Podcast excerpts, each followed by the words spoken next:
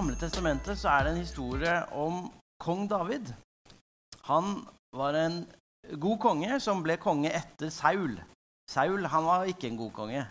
Han gjorde ikke det Gud eh, ville. Han var ikke god i Guds øyne.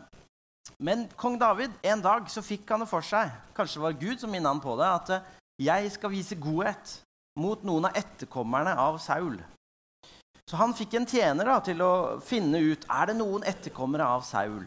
For Saul han var død, og sønnene hans var døde, og var, slekta hans var ganske sånn eh, utradert. Men han sendte ut en tjener for å finne noen etterkommere av Saul som David kunne vise godhet til. Og da fant han en person som heter Mefibosjet.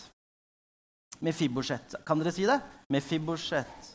Ja, Det er et veldig godt navn som dere kan bruke til å navngi en baby eller en hund eller en katt. ikke sant? Ja, Godt tips. Mefibosjet. Mefibosjet han var barnebarnet til Saul.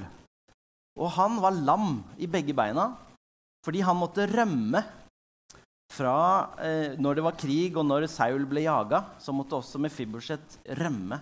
Og i den flukten så, så ødela han begge beina og var lam. Og han bodde langt ute i ødemarka sammen med noen som hadde tatt vare på han. Men han hadde det veldig kjipt, og det var veldig enkle kår. og, og sånn. Men denne tjeneren fant Mefibosjet der ute. Og han brakte Mefibosjet til slottet der David var, og Mefibosjet fikk nye klær, han fikk vaske seg. Og så fikk han komme fram for kongen, kong David. Og kong David han sa, 'Vet du hva, Mefibosjet, i dag så skal du bli en del av min familie.' 'Du skal få lov til å spise her på slottet hver dag.' 'Og du skal få tilbake alt det som Saul eide av eiendom og sånne ting.' 'Det skal du få.'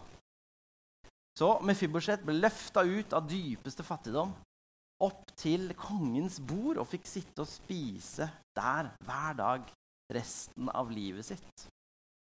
Og det er på en måte det Gud gjør når han sender Jesus ned til vår jord for å lete etter deg og meg, for å finne deg og meg. Og løfte oss opp og bringe oss inn til kongenes konge, til herrenes herre, inn for Guds trone. For vi når vi tror på Jesus, da, så får vi komme til ham. Og så får vi være på slottet hans, på en måte. Og Gud tar imot oss der. Tenk det, at Gud som var evig, Gud som fra starten av skapte hele verden Og det var ikke bare Gud, det var Jesus og Den hellige ånd og Gud. Alle sammen, de skapte verden.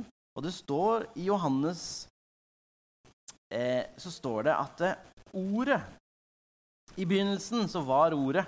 Og ordet var Gud. Og ordet var hos Gud. Og ordet, det er Jesus. Jesus var hos Gud i begynnelsen. Alt er blitt til ved han. Uten han hadde ikke noe blitt til. Tenk deg da at det er han som har skapt hele verden, og han som gjør at ting fungerer. Han ønsker å ha fellesskap med deg og meg. Han ønsker oss så mye at han gir det beste han har. Sin egen sønn gir han til oss som en gave. da. Og nå i advent og jul så kan vi fokusere litt på det. Ja, det skal kose oss, vi skal ha det gøy. Og, ja, kanskje ikke spare så mye på alt, men det er lov å spare litt. Det er, det er jo bra. Men det er også lov å dele, da. Og det er mye som er gratis, som vi kan dele. Godhet, et smil, vi kan dele kjærlighet, vi kan være gode mot de rundt oss og de vi ser. Så vi kan prøve å være litt som Gud og dele av det beste vi har, til de rundt oss. Og kanskje kan vi bruke advent og jul i år til det. Det anbefaler jeg i hvert fall å være med på. La oss be. Kjære Gud, jeg takker deg for at du ga det beste du hadde av Jesus, og at vi får feire Jesusbarnet denne advent og jul også. Takk for at vi har det godt, tross alt. Og takk for at du bryr deg om oss og har lyst å være sammen med oss og har lyst å invitere oss til ditt bord. I Jesu navn. Amen.